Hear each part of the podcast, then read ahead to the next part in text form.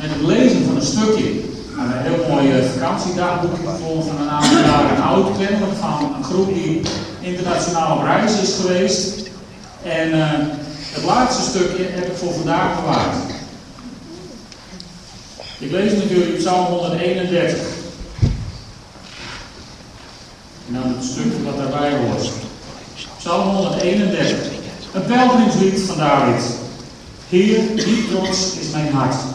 Niet hoogmoedig mijn blik. Ik zoek niet wat te groot is voor mij en te hoog gegrepen. Nee, ik ben stil geworden. Ik heb mijn ziel tot rust gebracht. Als een kind op de arm van zijn moeder. Als een kind is mijn ziel in mij. Israël, hoop op de Heer, van nu aan tot in de eeuwigheid. En het stukje heet De vakantie is voorbij. Nou, dat is voor ons allemaal waardig toepasselijk. Hé, hey, hoe was je vakantie? Heerlijk joh, we hebben echt genoten. Mooi weer gehad. Ja, we hadden maar één dag regen. Dan ben je niet in Nederland gebleven. Lekker uitgerust ook. Maar ja, het zware leven begint weer. Hè? De vakantie is voorbij. Het gewone leven gaat beginnen.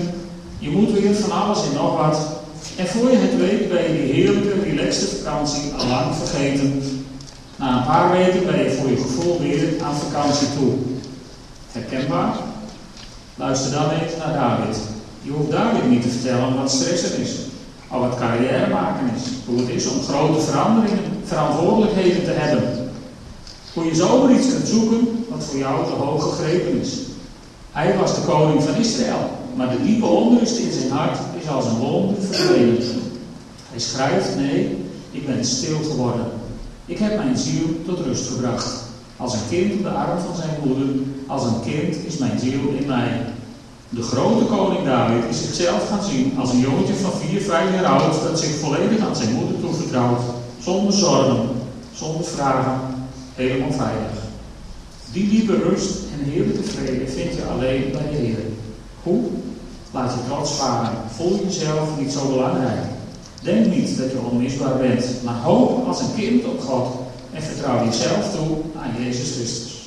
Dan zal de vrede van God, die alle verstand boven gaat, uw hart en gedachten in Christus Jezus bewaren, zegt Filippenzen 4 vers 7. Ga met hem. Zo begonnen we de dag. En dan waren we met elkaar om zegen over het eten. En daarna was op onze eerste en tegelijk laatste locatie waren er de sandwiches. De sandwiches met omelet. Lauw. Sommige mensen die geen eieren lusten, die gaan het moeilijk, want iets anders was het gewoon niet. We hadden de broodvoorraad en het beleg wat wij voor s'avonds hadden georganiseerd. En in de loop van de tijd ging het sommige mensen steeds meer tegenstaan. Ik herinner me dat van de keer dat ik in Namibië was, dat ik op de laatste dag tegen de juffrouw in het hotel zei toen ze zei, how do you want your eggs?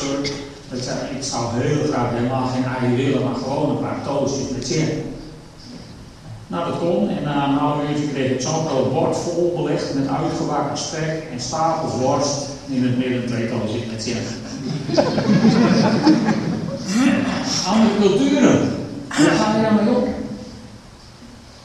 En soms kan ik me ook wel tegen op dat soort dingen. En als je je daar realiseert dat in zo'n land als Ghana misschien wel de helft van de mensen, misschien nog wel meer, er helemaal geen ontbijt krijgen. Wat moet je dan blij zijn met wat je wordt voorgeschoten? Ja, vakantie, relaxed. Zo begon onze dag. Daarna gingen we de meeste dagen naar ons project om aan het werk te zijn. Goed, die verslagen, die krijgen jullie nog. Nu even Psalm 131. John Maxwell die zet in zijn uh, Bijbel met aantekeningen boven deze psalm Simple Trust in the Lord. Nou, dat hebben we gezien in Ghana. Ik herinner me op de, eerste volle dag dat we daar waren, bezochten we het project in, uh, in Accra. En daar, uh, daar stonden Klaas en ik even over de rand van zo'n soort balkon naar beneden te kijken. En onder ons, daar speelden de compassion kindjes. wat ze precies deden. Dat zijn, die hebben we niet helemaal ontcijferd wat het dan betekende. Ze deden iets met hun handen en met hun voeten tegelijk. En, en ze hadden een uitstraling van blijdschap. En ze hadden niks.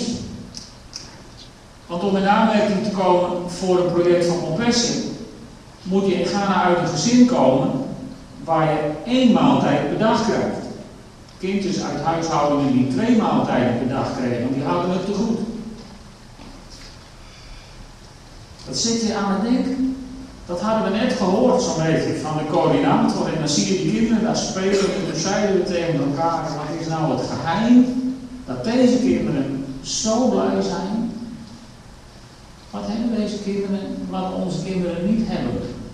En dan denk je aan onze kinderen, die af en tot zo diep begraven zitten in het speelgoed. En dan tegen die zeggen: ik verveel zo. Deze kinderen hadden niks en verveelden zich niet.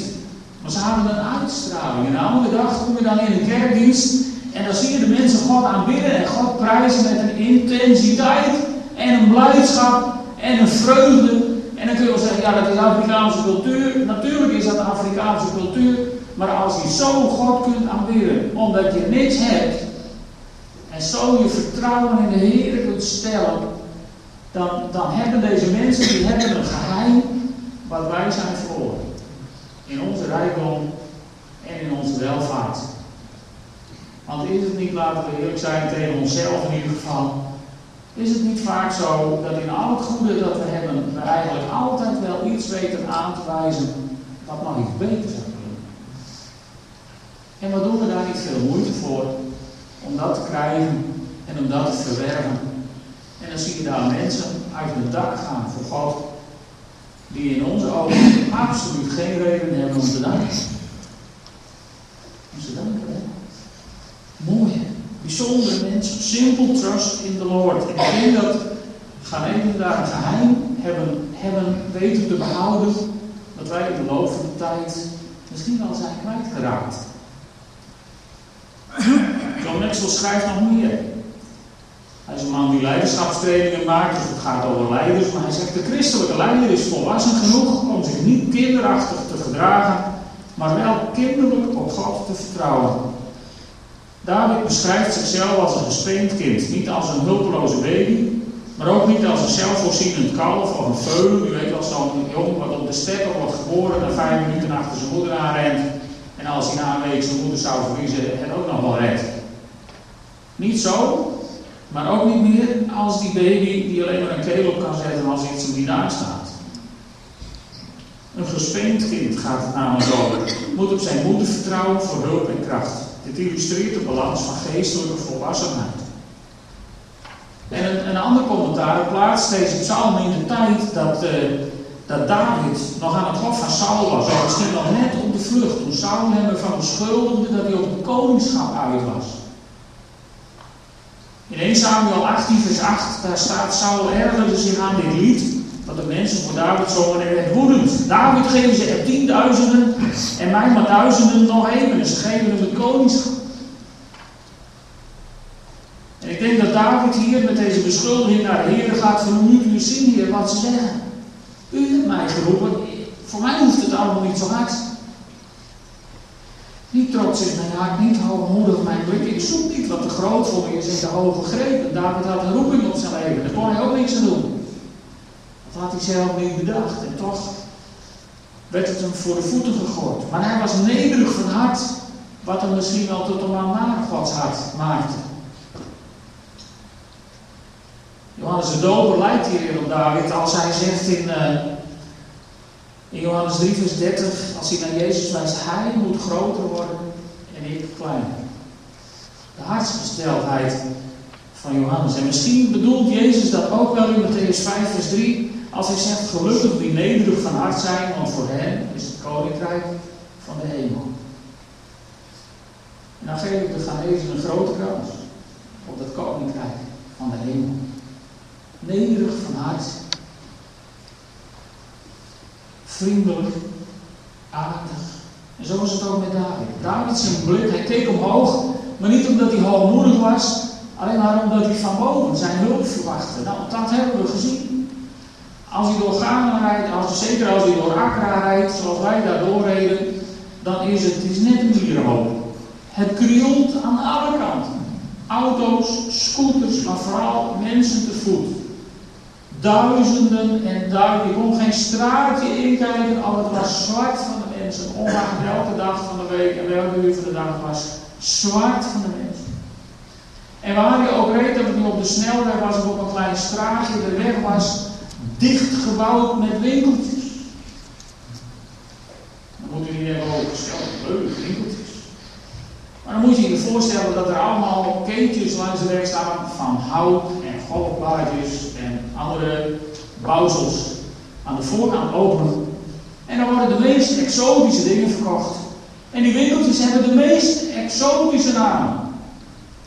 Divine Telephone Shop. Trust in the Lord Laundry, waar je spullen, waar je niet vertrouwen. En zo ging het maar door. En, en, en zeker één op de vijf, zes winkeltjes had in zijn naam boven het bord wel iets met God erin. Om, uit te, om aan te geven hoe deze mensen in hun afhankelijkheid op God vertrouwen. Ze waren niet hoogmoedig, maar ze keken omhoog. Ze verwachten hun hulp. Net als David van de Heer. Zoals David dat schrijft in Psalm 121. Ik sla mijn ogen op naar de bergen, van waar komt mijn hulp? Mijn hulp komt van de Heer die hemel en aarde gemaakt heeft. Hij zal jouw voet niet laten wandelen. Hij zal niet sluimeren, je wachters. Nee, hij sluimert niet en hij slaapt niet, de wachters van Israël. De Heer is je wachter. De Heer is de schaduw aan je rechterhand. Overdag kan de zon je niet steken. Bij nacht de maan je niet scharen. De Heer behoedt je voor alle kwaad. Hij waakt over je leven. De Heer houdt de wacht over je gaan en je komen. Van nu aan tot de eeuwigheid. Als je die zekerheid hebt. Als je, als je die innerlijke zekerheid hebt. En je weet dat mijn hulp komt van de Heer die hemel en aarde gemaakt heeft. Waarom zijn we dan soms nog in paniek als de omstandigheden zich tegen ons te keren? Waar staat die zekerheid op in uw leven?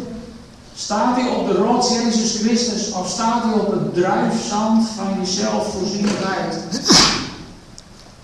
Die de mensen in Ghana niet hadden. Dus konden ze ook niet staan op dat druifzand. Moesten ze wel staan op de rots Jezus Christus, want ze hebben die dan. Maar het leert je iets. Het leert je iets dat wij misschien wel afhankelijk aan het worden zijn van de dingen die we zelf in de hand denken te hebben. Maar ach, één komt er een orkaan langs en moeten ze in New York 200.000 mensen of 2 miljoen mensen evacueren. Als God even blaast, schudt de hele wereld op zijn grondvest. Dus wat is het ook waard? Eigenlijk wat je hebt als zelfvoorzienigheid. Weet je, ook David wist dat van mijn hulp is van de Heer. En als mijn hulp niet van de Heer is, dan ben ik reddeloos verloren. Dan ben ik kansloos. Dan heb ik geen schijn van kans. In Psalm 130, dan roept hij tot de Heer. Psalm 130 en 131 worden vaak als een eenheid beschouwd, waarbij Psalm 130 als de voorloper wordt gezien. En dat zegt David uit de diepte roep ik tot de Heer. Nou, dat hebben we gezien in de kerkdiensten. Mensen die riepen tot de Heer, die, die werkelijk uit de diepte van hun ziel de Heer aanriepen en hem aanbaden en hem loven en prezen, maar ook uitriepen tot de Heer, omdat ze hun afhankelijkheid zo bewust waren. Omdat ze gewoon geen andere kans hadden. Uit de diepte roep ik tot u, Heer. Heer, hoor mijn stem. Wees aandachtig. Luister naar mijn roep om genade. Als u de zonde blijft gedenken, Heer. Heer, wie houdt dan stand? Maar bij u is vergeten. Daarom eert men u met ontzag. Ik zie uit naar de Heer. Mijn ziel ziet uit naar Hem en verlangt naar zijn woord. Mijn ziel verlangt naar de Heer meer dan wachters naar de morgen. Meer dan wachters uitzien naar de morgen. Israël hoop op de Heer. Bij de Heer is genade. Bij hem is bevrijding altijd weer. Hij zal Israël bevrijden uit al zijn zonden. Bijzonder in deze psalm is dat David het nergens heeft over omstandigheden. David heeft het er zelfs niet over dat, dat de Heer je wil genezen van ziekten, wat hij zeker wil. Maar het enige wat David het hierover heeft, in deze psalm, dat is over genade. Over God die onze zonde niet meer gedenkt, maar dat er vergeving is bij God. En, en dat er hoop is, nog een keer genade en bevrijding. En hij zal Israël bevrijden uit al zijn zonden. Wij zouden denken van nou, laat Israël eerst bevrijden van al zijn vijanden. Dat zou al een heel stuk schelen en daar gaat het niet over. In deze psalm, hij zal Israël bevrijden van al zijn zonden.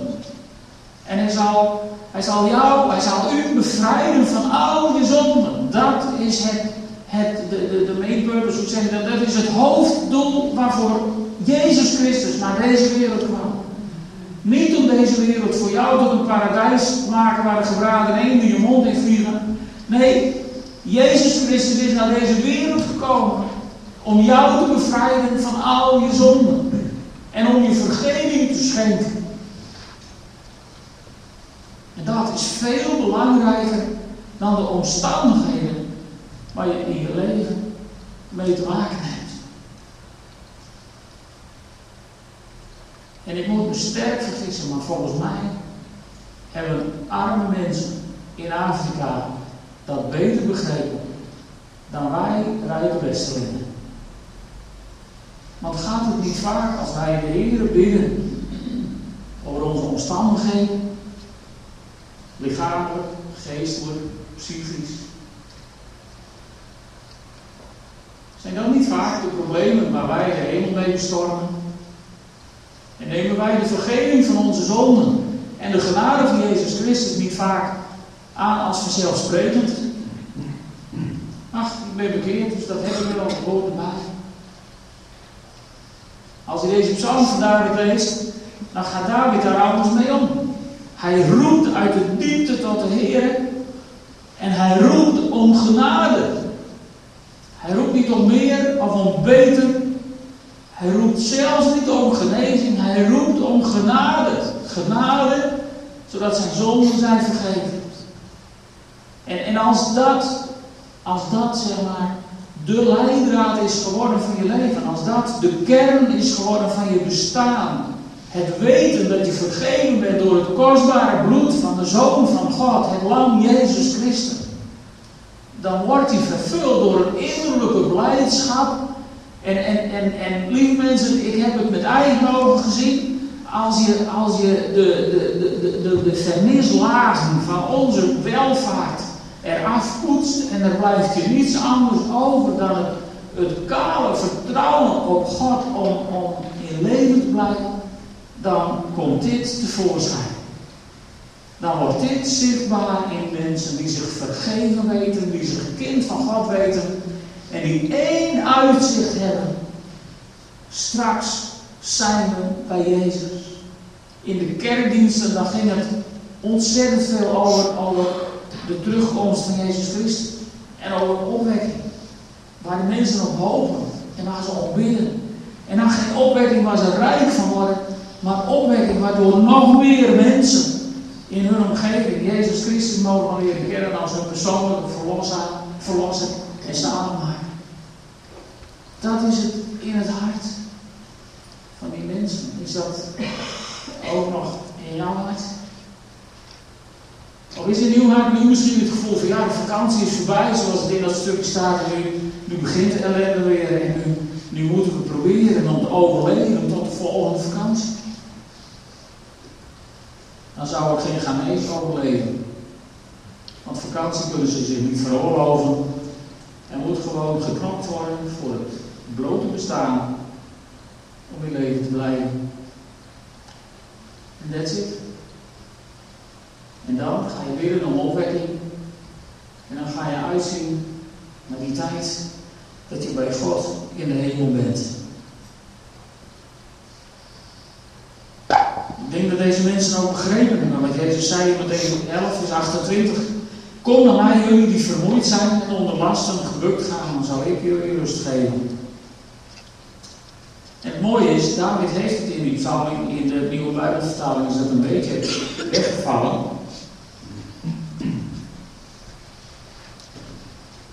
Als hij zegt in vers 2 als een kind op de arm van zijn moeder. Het, het gaat hier over een gespeend kind. Wat was een gespeend kind? Voor wie dat niet weet. Uh, in die tijd kregen kinderen, die kregen borstvoeding tot een jaar of drie. En dan werden ze gespeend. Met andere woorden, dan werden ze van de borstvoeding afgehaald en moesten ze vast voedsel leren eten. Dan was het tijd voor de melk voorbij en was het tijd voor vast voedsel. En dan kreeg je een gespeend kind, dat kreeg geen borstvoeding meer. Daarvoor kwam zo'n kind bij de moeder. En als die moeder zou gaan komen, dan dacht zo'n kind waarschijnlijk, aha, eten. Nu moest dat kind leren denken. Aha, mama. En dat is het kind waar David het over heeft. Niet meer dat kind waar een keel op zet, omdat hij het wil. Ah, opwekken. Ah, genezen. Ah, ik wil weer diepgang. Ah, ik wil dat. Ah, ik wil zus. Kind, maar een Afrikaans kind. Wat wil zo'n kind? Als je kinderen hebt, of kleinkinderen. Soms als ze voor de televisie zitten bij ons, dan wil Anne even dat je gewoon even naast haar komt zitten. En dan wil ze even tegen je aan zitten. Dan kan ze warmte even voelen. Je hoeft niks te zeggen. Het gaat er niet om dat ze wat krijgen. Het gaat er gewoon om dat ze even bij je zitten. Gewoon even. Je voelen. En dan kent het ook wel van die kinderen. Ze zijn gevangen en ze komen bij je brullend als een mager speenvarken. En je denkt op zijn minst dat ze zeer ernstig gewond zijn. Maar dan moet er een kusje op de knie en het is acuut helemaal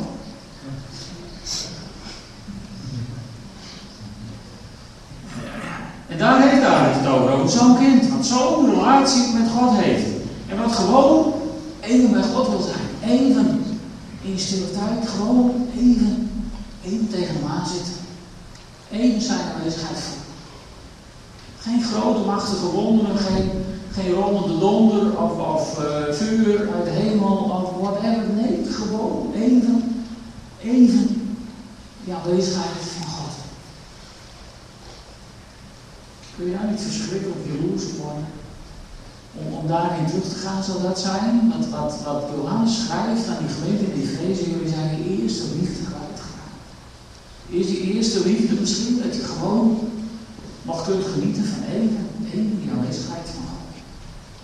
Of de Bijbel openslaan en een psalm lezen, of een paar versen en even in het woord, het woord ontmoeten.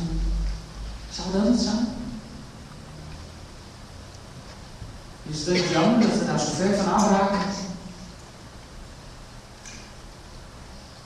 Even bij God. Geen baby meer die nog gepamperd moet worden, maar een kind wat door is aan vastvoedsel. Maar gewoon af en toe even, even bij God. Even.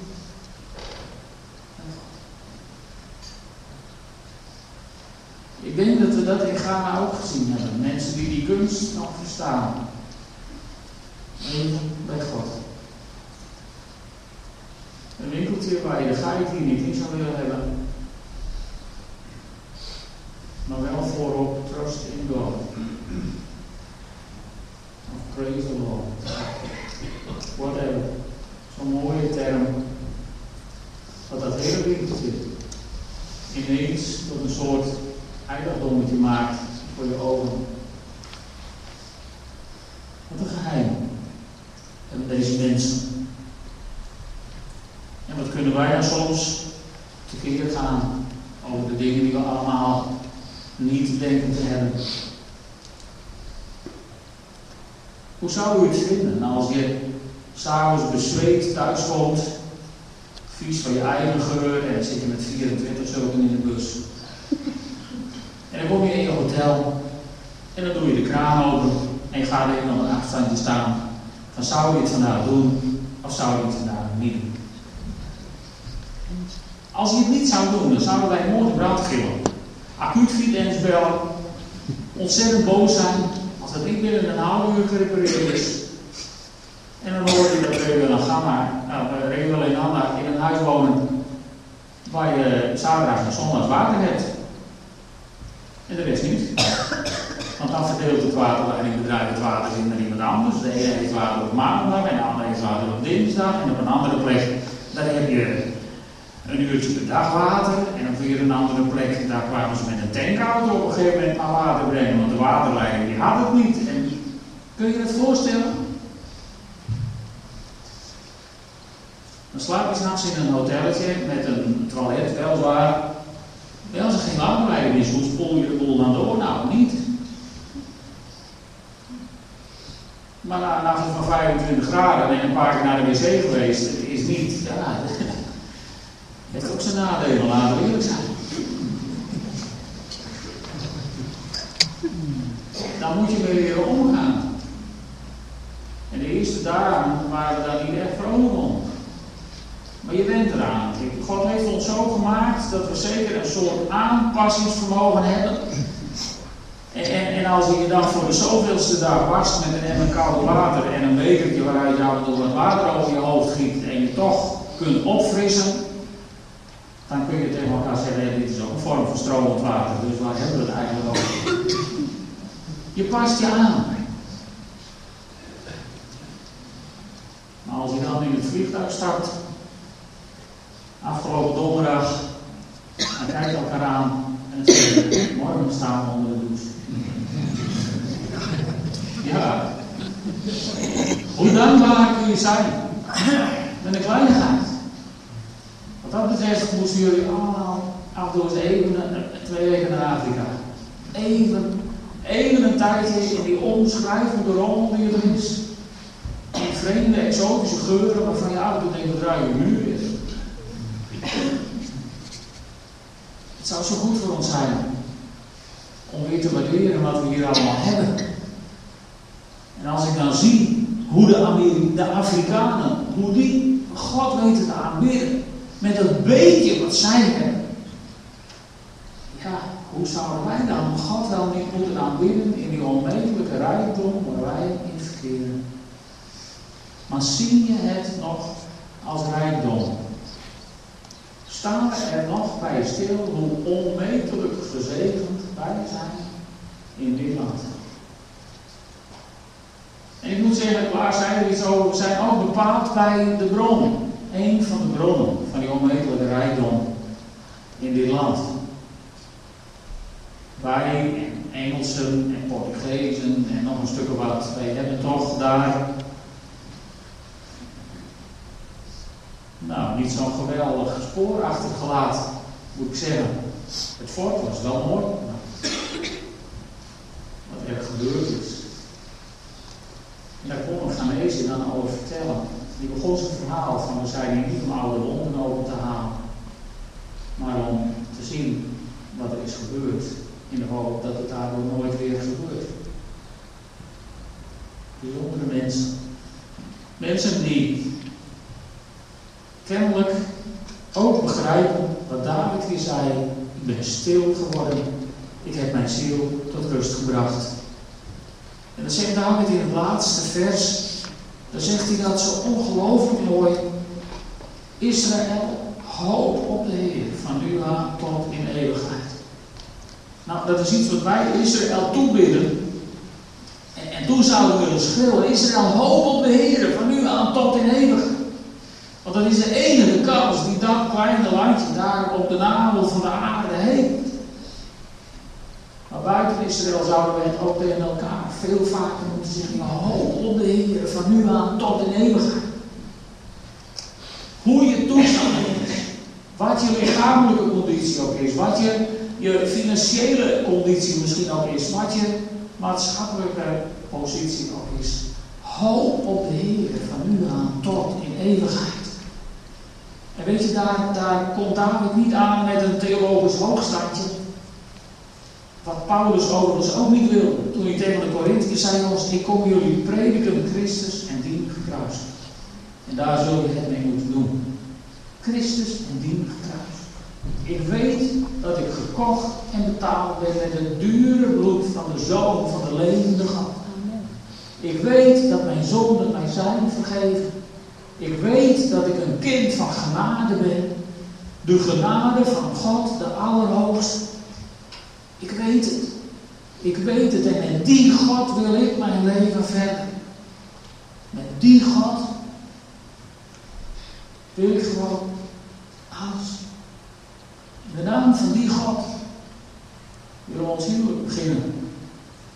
Vieren wij niet voor woensdag. Aan die God wil ik me overgeven in het waterbad van de dood. Eind september. Die God wil ik loven en prijzen. Elke keer als ik in de samenleving ben, wil ik God alle eer geven die ik hem kan geven. Die God, ik ga vanaf nu mijn hoop vestigen op de Heer, ongeacht de omstandigheden. Weet je, dan komt je ziel tot rust. Dan wordt het stil in je binnenste.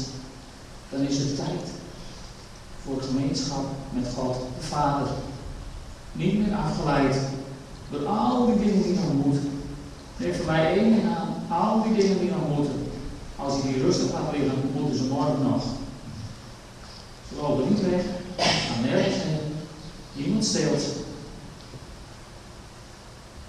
Maar laat God jouw prioriteit zijn. We staan op de drempel van een nieuw seizoen. En laat in dat nieuwe seizoen nou in jouw leven God eens een hogere prioriteit in je leven hebben dan hij misschien nog toe gehad heeft.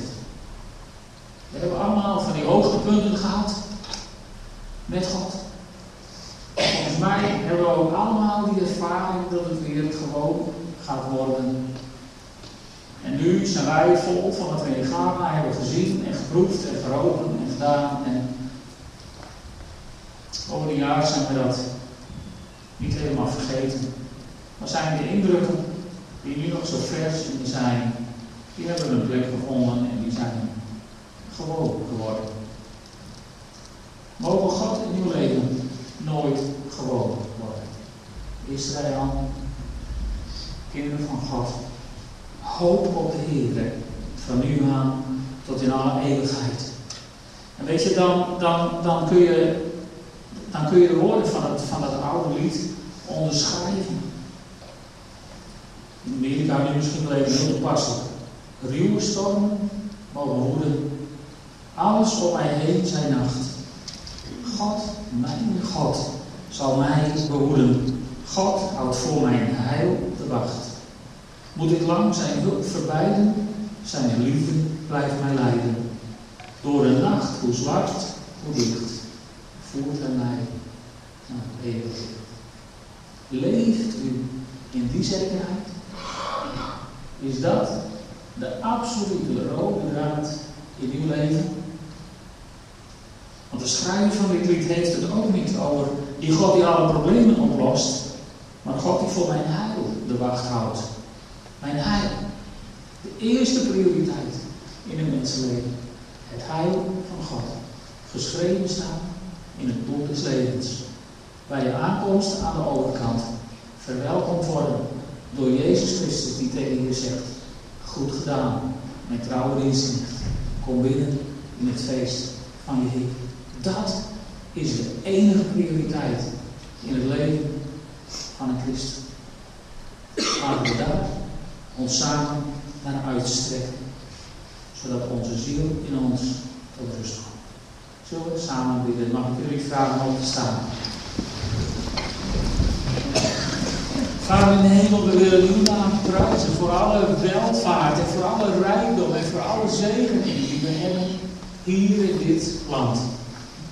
Heer, maar bovenal willen we u prijzen voor die geloofzekerheid die we mogen hebben in ons leven.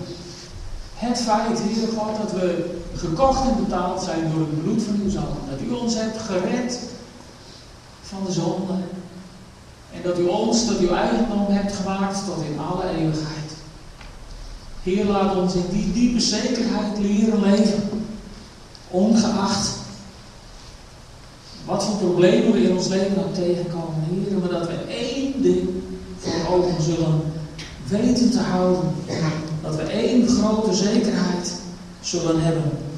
Door een nacht, hoe zwart, hoe dicht, voert u mij naar het eeuwige Heer, leer ons te zien op de eindbestemming die we hebben. En leer ons hart zich daarin te verheugen. Heer, we staan hier voor u. En ik bid u, raak ons aan met uw Heilige Geest. Heer, zodat de blijdschap over onze verlossing van ons af zal spatten. En de mensen om ons heen jaloers zal maken. Zodat ze op zoek zullen gaan naar u. Heer, dat bid ik van u. In de naam van onze Heer en Heiland, Jezus Christus. Amen.